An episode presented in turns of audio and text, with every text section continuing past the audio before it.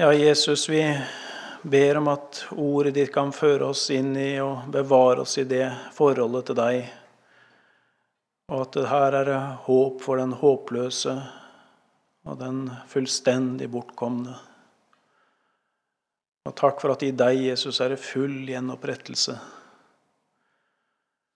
Og så er det et fullkomment og godt forhold til Gud i himmelen. Det er Hans brud. Og så ber vi Jesus om at vi også får se det og reddes for å komme bort fra dette samfunnet og inn i utafor Kristus, hvor det er en total dom. Og Vi ber om det, Jesus, og at vi også kunne få nød for dem som er utenfor. Amen.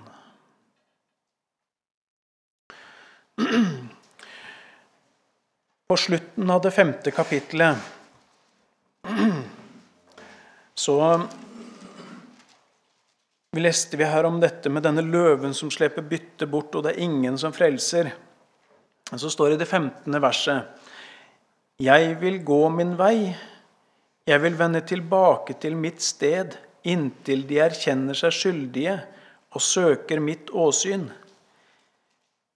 I sin trengsel skal de søke meg med alvor. Her eh, møter vi egentlig en profeti som strekker seg langt inn i endens tid. Og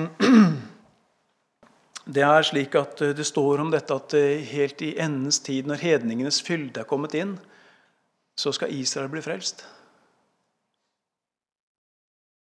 Det har ikke skjedd ennå. Det venter vi på. Og lurer på hvordan Gud har tenkt å gjøre det. Men det er samtidig, tror jeg, at vi må si at det er en profeti om Kristi himmelfartsdag. Jeg vil gå min vei, jeg vil vende tilbake til mitt sted. Inntil de erkjenner seg skyldige og søker mitt åsyn. I sin trengsel skal de søke meg med alvor. Og så skal han komme igjen.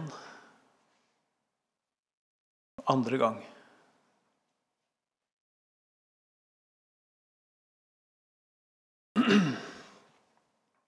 De fleste av Guds åpenbaringsfolk har jo vært borte fra ham til denne dag. Det er bare enkeltvis som har blitt frelst. Enkelte messianske jøder. Og også av de andre stammene.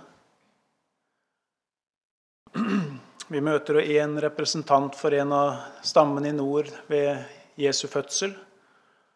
Anna Fanuelsdatter av Assers stamme.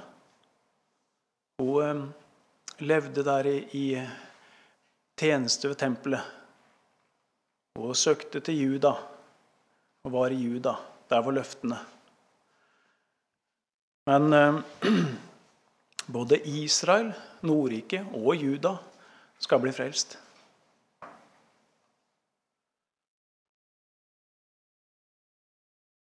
Det skal de. Og det skal bli underlig å se hvordan Gud vil gjøre det om vi lever da. Men det er det med Veldig typisk er det at det, ting som Gud lover med klare ord, det ser ut som det er helt umulig at det kan skje rett før det skjer. Og da skjer det ofte veldig fort.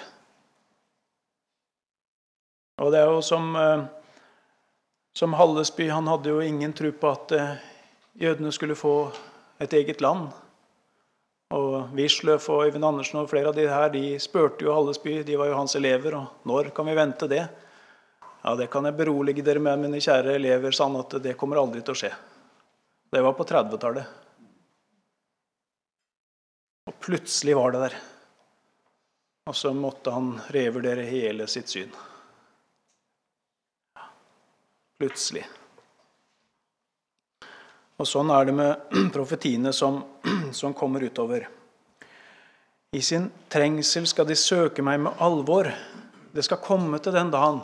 Det er en fryktelig trist historie med tanke på Nordriket. Etter 722, da, da asyrerne kom, tok de med seg, plasserte dem ut i det asyriske riket. satte andre hedninger inn i Samaria og inn i Nordriket. Splitt og hersk til de grader. Og så er det altså Det er 2500 år siden omtrent. Eller 2700. Og um, Men Gud står ved sine løfter. Han skal oppfylle det. Og det går lang tid. Og tenk på dette at Gomer skulle sitte i isolasjon i lang tid. Skulle ikke ha med noen mann å gjøre. Hosea skulle heller ikke gå inn til henne, som var hennes rettmessige mann. For Israel skal være for seg sjøl, være isolert i lang tid. Ja, det, vi lever i den oppfyllelsestida av denne isolasjonen. Borte fra Gud. Men så kommer det der at i sin trengsel skal de søke meg med alvor, så det skal altså komme den dagen. Og så er det som Herrens profet han roper til dette Israel, som han har nettopp profetert at det skal bli revet i stykker av, av, og av Herren selv, av denne løven. Spredt ut. Det er ingen som kan redde dem ifra dette.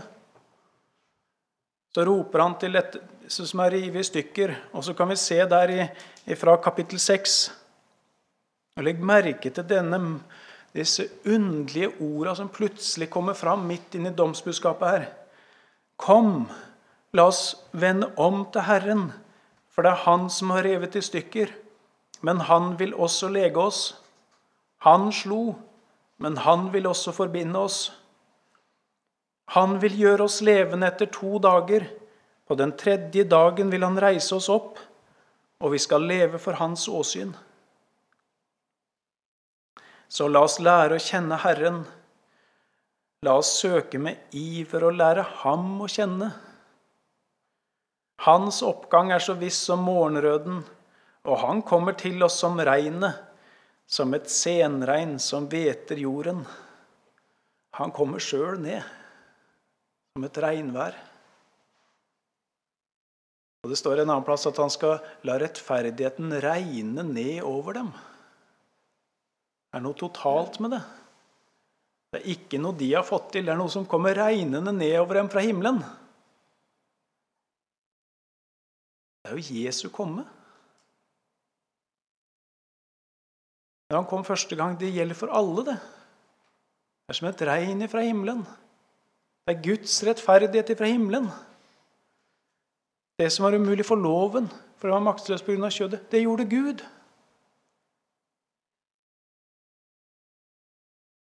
Det gjorde Gud. Og det er altså, Hvem er det som har revet i stykker? Jo, det er Gud. Og eh, Vi må bare si det her at selv om han da, det er asyrere som kommer og henter dem, og hardbarka, rå krigere med et forferdelig rykte og med en veldig frykt omkring seg Er det tilfeldig at det er de som er eh, redskapet? Nei. Det er jo hele poenget. At det å havne i den levende Guds hender, det er noe forferdelig. Det å få Gud imot seg som en fortærende ild, det er det verste som kan skje. Derfor denne forferdelige fienden som kommer og bortfører dem. Men de har med Gud å gjøre i det som skjer. Og det skal vi også vite, at i alle ting så har vi med Gud å gjøre. Absolutt alle ting. Så bruker Gud mange slags redskaper osv. Også Gud frister ingen. Det gjør han ikke. Men her er mange på å si djevelens håndlangere som prøver å friste og som prøver å, å holde på med oss osv. Men vi har med Gud å gjøre. Vi står overfor Gud i alt som skjer. Gud vil lære oss noe. Gud vil vise oss noe. Gud vil åpenbare det at, at um, Aller mest oss sjøl. For at det hadde ikke vært noe problem med, med vanskelige omgivelser hvis, hvis du sjøl var feilfri, og, for da hadde du takla det helt fint. Men den takler ikke så bra. Ja, takler det veldig dårlig. Ja, da lærte Gud meg noe gjennom vanskelige omgivelser. Jeg fikk et sant, mye sannere bilde av meg sjøl. Det har med Gud å gjøre.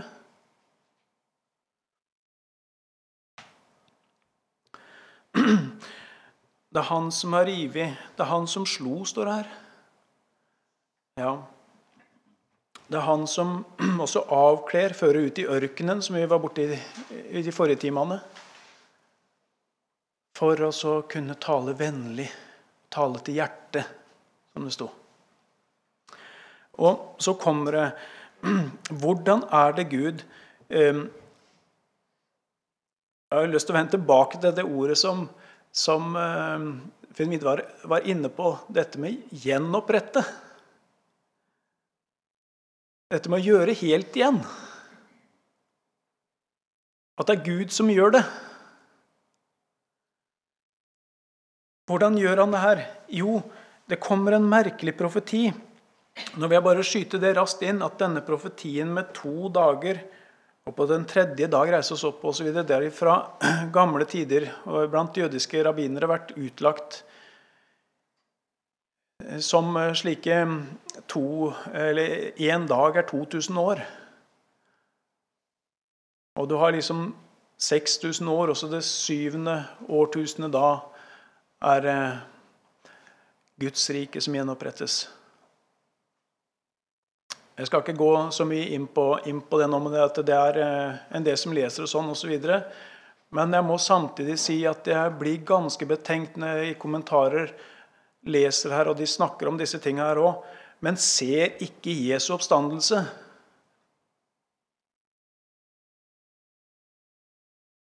Men det er, det er den Gud gjenoppretter med.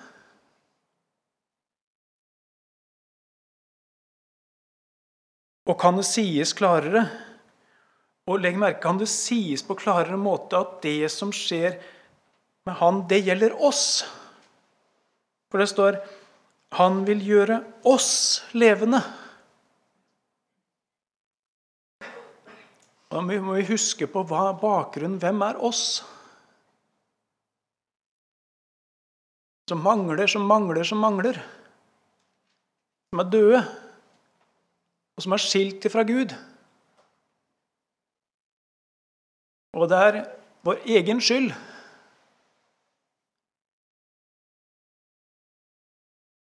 Han vil gjøre oss levende etter to dager. På den tredje dagen vil han reise oss opp.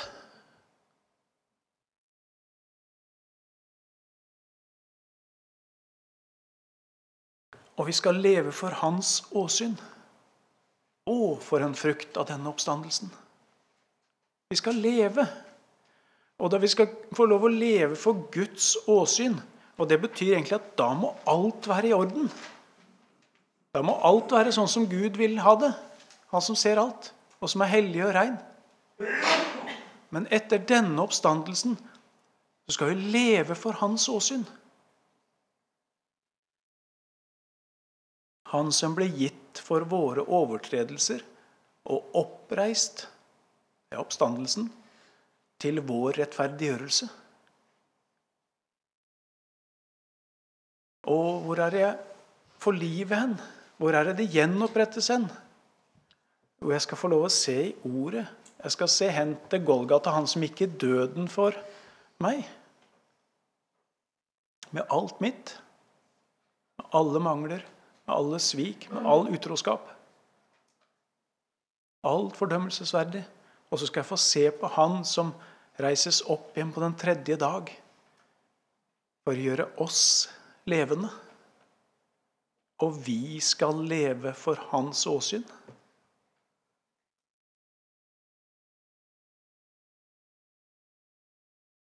Og så står det da så la oss lære å kjenne Herren. La oss lære å kjenne Herren. La oss søke med iver å lære Ham å kjenne. Han som er sånn. La oss med iver lære Han å kjenne etter de åpenbaringsglimt Han gir oss i Skriften. Og så står det at hans oppgang er så viss som morgenrøden. Når du tenker på det i morgen hvis det blir klarvær og vi får se sola står opp her Ja, like så visst er det både hans første komme til jord.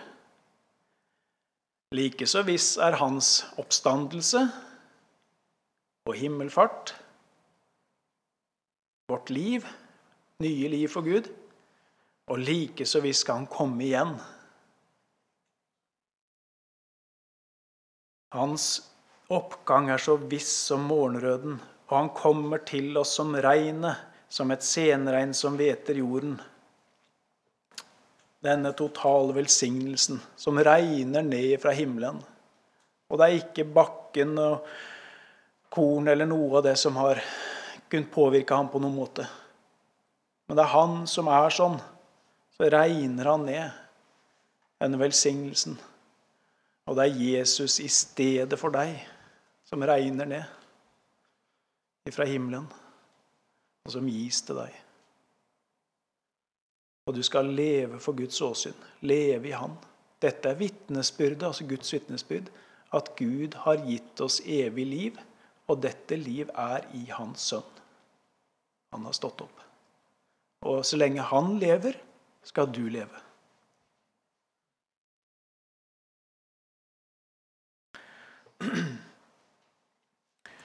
Så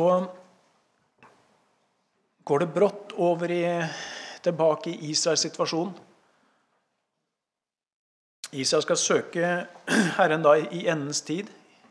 Det skal de, men situasjonen den er annerledes nå i, på Hosea sin tid og i mange, faktisk, årtusener. Så er situasjonen annerledes for Israel. Um, og vi skal ikke altså der i, Fra vers 4 og utover så vil dere også se der at Hva skal jeg gjøre med deg, Efraim? Hva skal jeg gjøre med deg, Juda? For deres kjærlighet er som en morgensky. Altså bare det forsvinner bort. Like fort som det var, kom, så forsvinner det bort som en morgensky. Lik duggen som går tidlig bort. Og Gud har sannelig prøvd å vinne dem, berge dem, Derfor har jeg hogd løs på dem. Jeg merket det uttrykket. Hogd løs på dem ved profetene. Drept dem ved min munns ord. Dette med dødens og fordømmelsens tjeneste, det er loven. Ja. Ta livet av den som hører det, hvis han hører det i sannhet. Drept dem med min munns ord. Dommene over deg for ut som lyn. For jeg har lyst til kjærlighet, altså hjertelaget, og ikke til slakteoffer. Til Guds kunnskap mer enn til brennoffer. Men de har brutt pakten liksom Adam og gjort seg Og de har vært troløse mot meg. Og sånn, sånn fortsetter det her. Og de fortsetter i sin hor.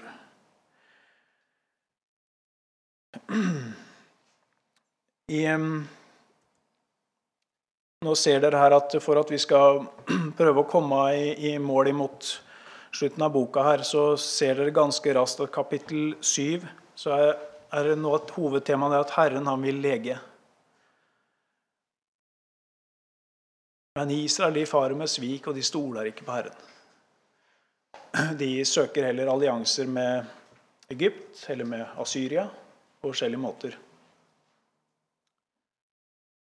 Og det ser ut eh, På siste delen av Hosea sin virketid så ser det ut som det på en måte hjelper litt til å søke allianser med, med Asyria, f.eks. For, for det at Syria rett i nord her, de kommer og angriper dem.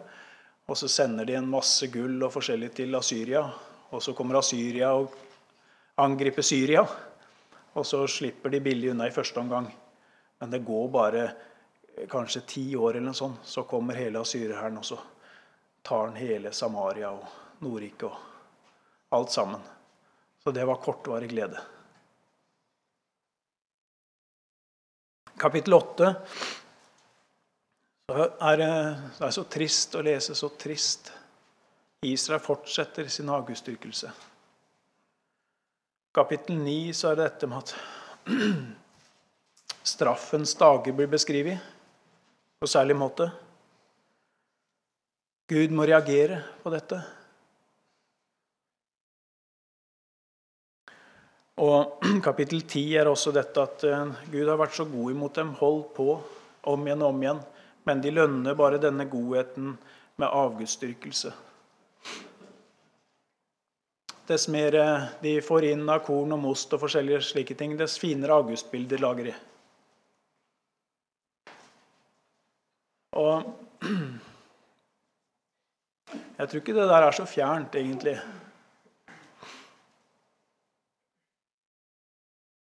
Ehm, vi har et sånt uttrykk at det skal god rygg til å bære gode dager. Det er nettopp fordi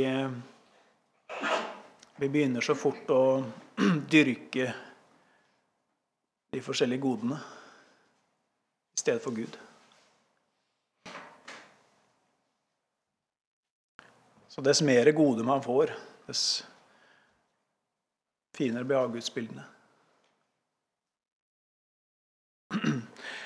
Men i kapittel 10 så må vi ta med oss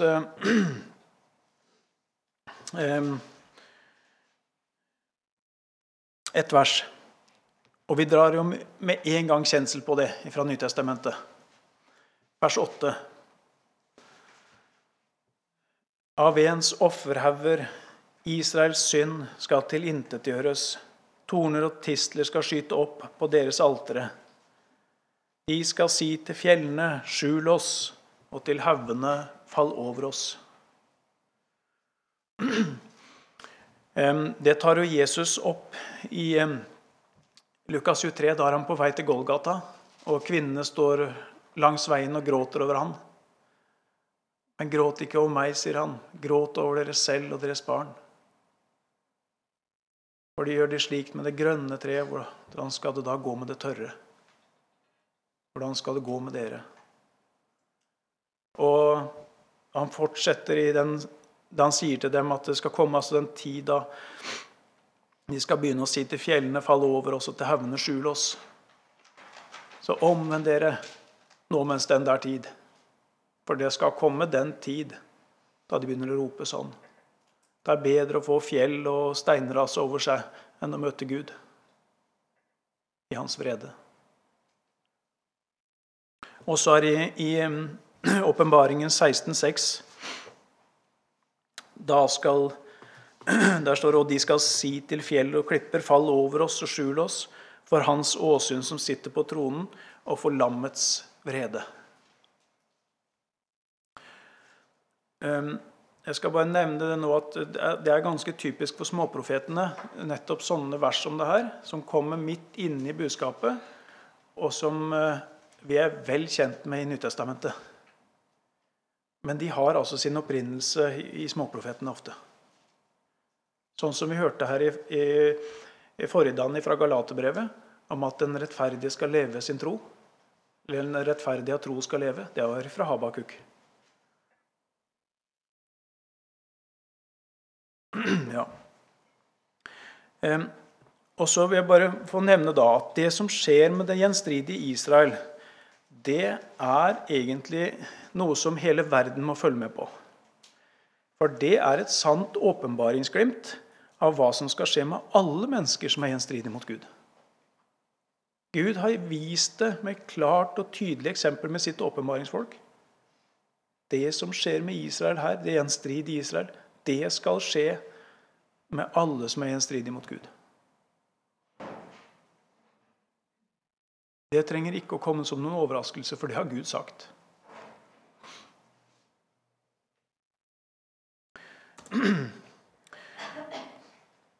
Så står det i, i vers 12, kapittel 10 Så dere en sæd som rettferdigheten krever.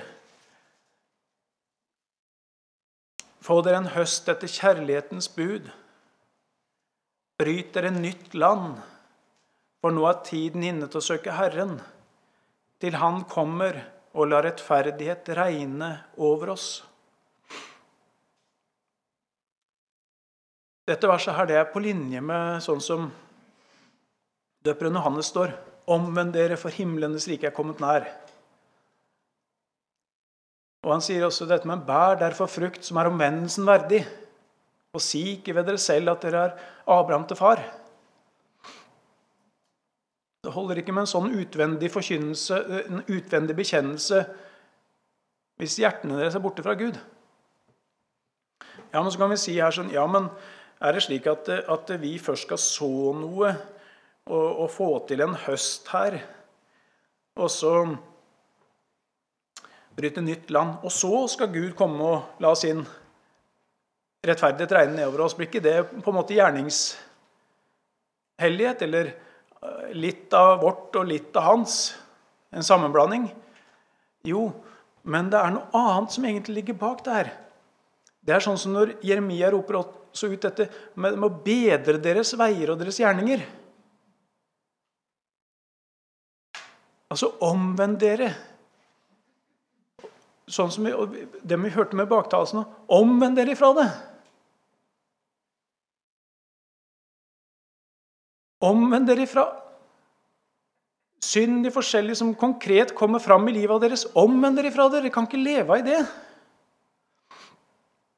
Ja, men blir vi frelst ved å, å, å, å slutte med alt det her, da? Nei, Bibelen sier at du blir frelst ved Jesus, men den sier samtidig 'omvend deg fra det'. Slutt med det.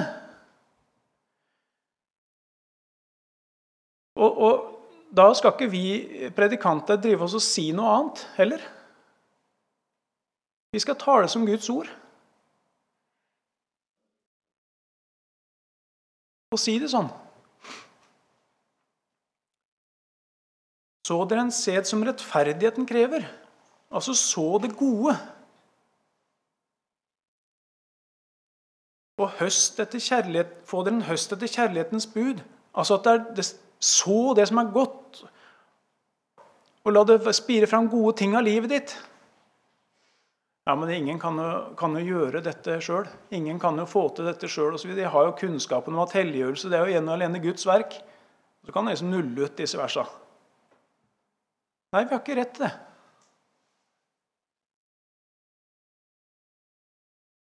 Så det som er rett, så det kan høstes det som er etter kjærlighetens bud. Og hvis du høster noe annet i livet ditt, så er det fordi du har sådd feil.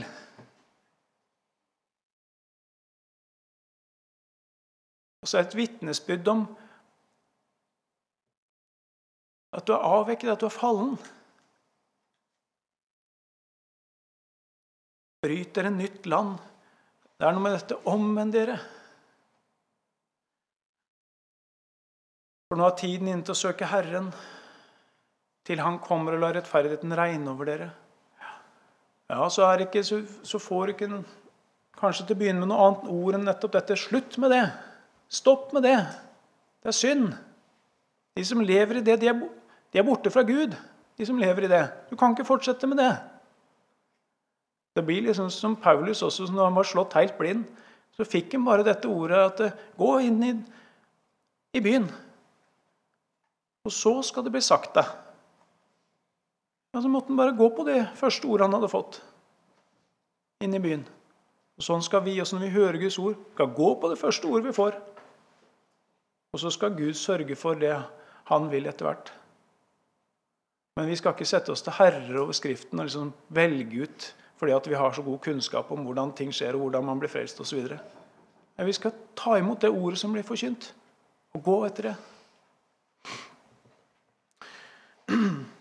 Og så skal Gud på sin måte og i sin tid også la rettferdigheten regne over dere. Det skal han. I kapittel 11 til 14 så kan vi godt si dette, at det, noe at temaet er dette med Israels gjenopprettelse og, og Guds kjærlighet. Og I 11.1 så kommer jo noe som vi leser hver jul. Da Isar var ung, hadde jeg ham kjær. Fra Egypt kalte jeg min sønn. Og der eh, står det også klart og tydelig da i Matteus 2,5 at det, når Jesus Og Josef og Maria får vende hjem igjen fra, fra Egypt. Herodes er død, så er det nettopp fordi at dette skriftsted skulle oppfylles. Fra Egypt kalte jeg min sønn. Ehm, ehm, men samtidig skal vi også vite det at ehm, da Moses sto for faraos åsyn, skulle ha folket ut fra Egypt Første gangen så sier han sånn i 2. Mosebok 22 eh, Nei, 2. Mosebok 4, 22. Da skal du si til farao, så sier Herren, min sønn, min førstefødte er Israel. Jeg sa til deg, la min sønn fare. Sånn taler Gud om, om Israel. Men eh, som vi har sett så til gangs nå, så har jo denne sønnen svikta. Så totalt. Men det er en ny sønn som er kalt ut fra Egypt. Det er Guds egen sønn, men det er også vår bror som er kalt ut av Egypt. Gud starter på nytt igjen. Gud gjør det fra ende til annen. Og han mislykkes ikke. Denne sønnen mislykkes ikke i kallet fra Gud, sånn som Israel gjorde. Og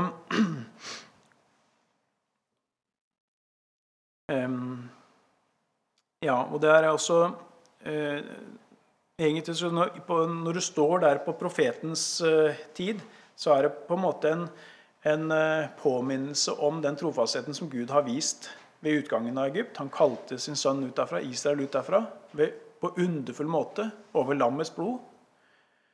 Men eh, det er også sånn at profeten ser framover. Det er en profeti om Guds trofasthet i framtida også med Kristi komme.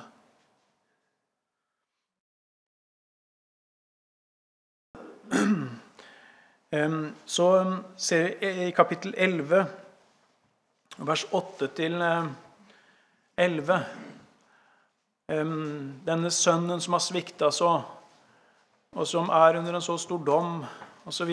Men allikevel så kommer det Hvordan skal jeg kunne oppgi deg, Efraim? Det er representanten for, for Nordriket her. Efraim stamme, en av de sterkeste stammene. Hvordan skal jeg kunne oppgi deg, Efraim? Hvordan skal jeg kunne gi deg til pris, Israel? Hvordan skal jeg kunne gi deg opp som Adma og gjøre med deg som Meseboim? Altså, det var to småbyer som lå i nærheten av eh, Sodoma og Gomorra, og som ble dratt med i, i, eh, i dommen over Sodoma og Gomorra. Hvordan skal jeg kunne gjøre med deg som disse byene som ligger der bare som i svovelaktig jord? Mitt hjerte vender seg i meg, all min medynk våkner.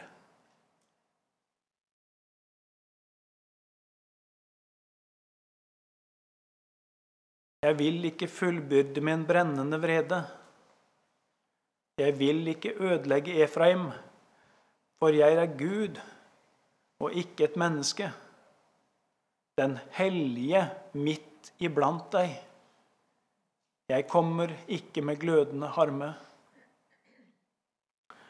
De skal følge Herren. Han skal brøle som en løve, ja, han skal brøle, og bevende skal hans barn komme fra havet. Bevende skal de komme som en fugl fra Egypt, som en due fra Assurs land, og jeg vil la dem bo i sine hus, sier Herren.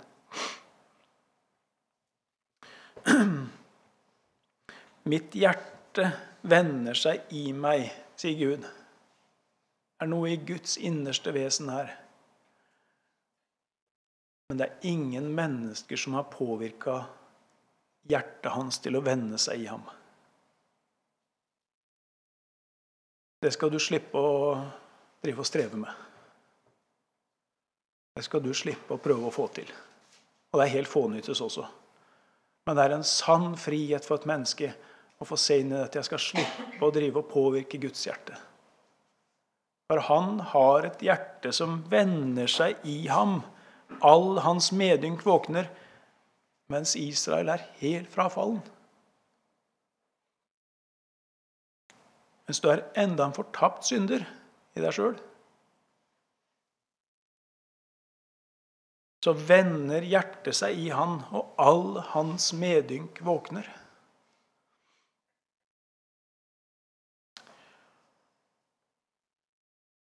Det er ikke godt å forklare det uttrykket. Men dette her kan du smake på og tygge på, og så kan du lese mange bibelvers for deg sjøl. Etter man all hans medynk våkner.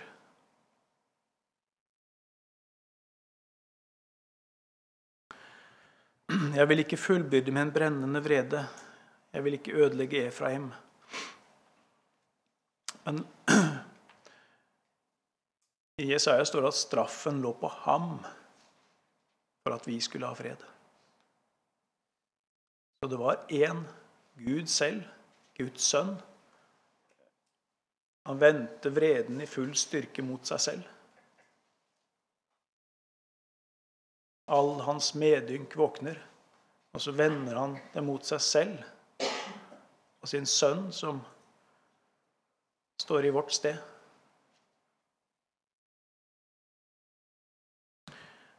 Og han er den hellige midt iblant deg. Den hellige.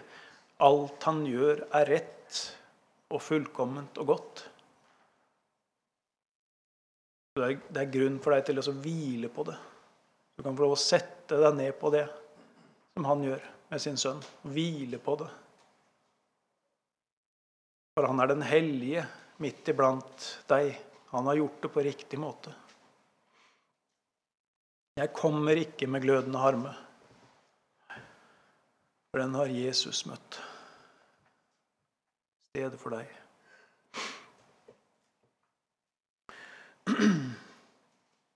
Så kommer en, altså, profeti her videre om eh, at de også skal samles inn fra eh, flere kanter. Så det kan ikke bare være snakk om fra eksil eh, bare i Asyria eller i seinere Juda i Babylon, eller sånn, men det skal komme fra alle kanter her. sånn. De skal komme bevende, står det, som en fugl fra Egypt, som en due fra Assurs land osv. Komme fra havet. Gud skal samle de inn. Og han skal brøle som en løve, så ingen kan på en måte stoppe det som Gud skal gjøre. Så i kapittel 12 så kommer enda en påminnelse om dette at Israel i sitt frafall nå sin, De vil være borte fra Herren, de må straffes, og, og de går imot dommen. Men samtidig så kommer det da videre i vers 4-7 der at de, de bør gjøre som sin stamfar Jakob. For denne luringen Jakob Eh, denne bedrageren, han blei faktisk frelst. Han ble berga. Og de blir altså oppfordra til å, å, omvende seg som den syndige, svikefulle Jakob, som sin stamfar. Og så står det i vers 13 Um, um, ja, det er, en, det er jo en underlig måte uh, Han kjemper med Herren og, og, vinner, står det. Det er en underlig seier. Han gråt og ba om nåde. Det er blitt betegna som en seier. Holdt fast på Gud og gråt og ba om nåde. Det var en seier. Han ble velsigna og så står det i vers 13 her i kapittel 12 også at som Jakob voktet sauer for å vinne seg en hustru Først syv år for Rakel, og så ble det syv, eh, men så fikk han Lea. Og så ble det syv år til for Rakel. Um, som Jakob voktet sauer for å vinne seg en hustru, har Herren voktet folket ved en profet. Og det er Moses er sånn. Og det også var nettopp for å vinne seg en hustru. Der er det, der er bildet igjen. Det er Gud som vil vinne seg en hustru. Ikke tvinge, men vinne seg. lar du deg vinne av Guds ord, av Gud. Så står det i kapittel 13 i begynnelsen der om Efraim. Og når Efraim talte, ble alle redde. Han raget høyt opp i Israel. Da førte han skyld over seg ved å dyrke Baal og døde. Syndens lønn er døden. Ja, og de har synda til gangs. Det har de. Men så kommer det Selv om det er dødsens, så kommer det i vers 14, eh, kapittel 13 vers 14. Av dødsrikes vold vil jeg frelse dem ut. Fra døden vil jeg forløse dem. Død, hvor er din pest? Dødsrike, hvor er din sått? Anger er skjult for mine øyne. Han døde. Ja, det var det han gjorde. Døde i syndere og overtredelser, sier også Paulus. Men av dødsrikets vold vil jeg frelse dem ut. Fra døden vil jeg forløse dem. Tenk tilbake på kapittel 6. Han vil gjøre oss levende etter to dager. På den tredje dag vil han reise oss opp, og vi skal leve for hans åsyn. Ja, der eh, løser Gud den døde ut. Det er akkurat som Lasarus som ligger død i grava. Lasarus, kom ut. Og det kan Jesus rope, det har han makt å rope, for han har selv gått i grava og i døden. Og stått opp igjen. Og da lyder det også videre Død, hvor er din pest? Altså, hvor er din egentlig smerte, din sykdom? Hvor er det? Og dødsriket, hvor er din sått?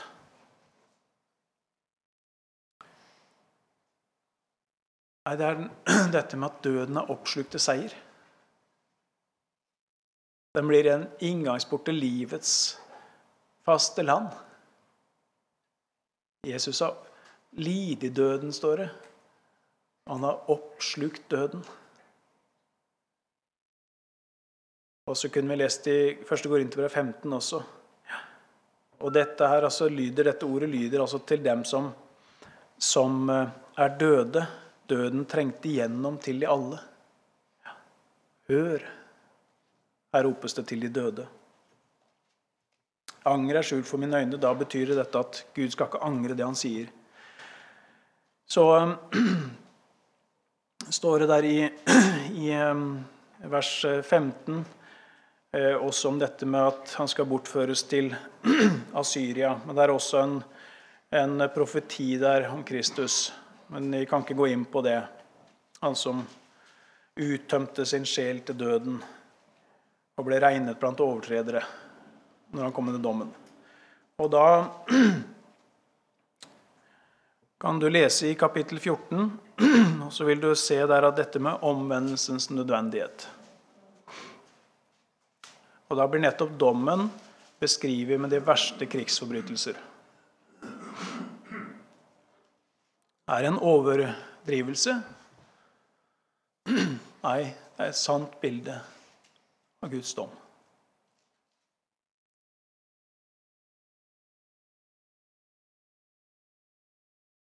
Og så er det siste som boka avsluttes med, det er egentlig et rett forhold til Gud. Det er det han hele tida har søkt å vende dem om til, og søker å vende deg og meg om til. Både ved dødens tjeneste og ved evangeliets og livets tjeneste. Og I tre, vers 3 og 4 så er det dette med at da hører det med å komme til sannhetserkjennelse. Bli enig med Gud om hva han sier om meg. Og i vers 5 så blir det beskrevet dette med fred med Gud. Det å være Jesu brud det tilhører han, det er faktisk å ha fred med. det er et, et forhold hvor det er full harmoni. Det er stort, det å være Jesu brud. Det er full harmoni med Jesus, med Gud. Fred med Gud. Og så er det også et fruktbart liv med Gud. Det er, eh, følger visse frukter av dette livet. Vers 6-9. Og da det siste verset, og vi er jo på overtid, så vi leser det sammen. Vers 10.: Hvem er vis så han skjønner dette, forstandig så han merker seg det? For Herrens veier er rette, de rettferdige ferdes på dem, men overtrederne snubler der. Så er denne tosidigheten med i det, helt i det siste verset en rett vei hvor det går an å få lov å vandre i sant forhold til Gud. Men de som vil fastholde synder og bli i synda, de vil falle på denne veien. Så stopper vi, stopper vi der. Og så takker jeg for eh, tålmodigheten, sjøl om vi er noe over tida. Og så minner jeg bare da om at det er middag klokka 14.30.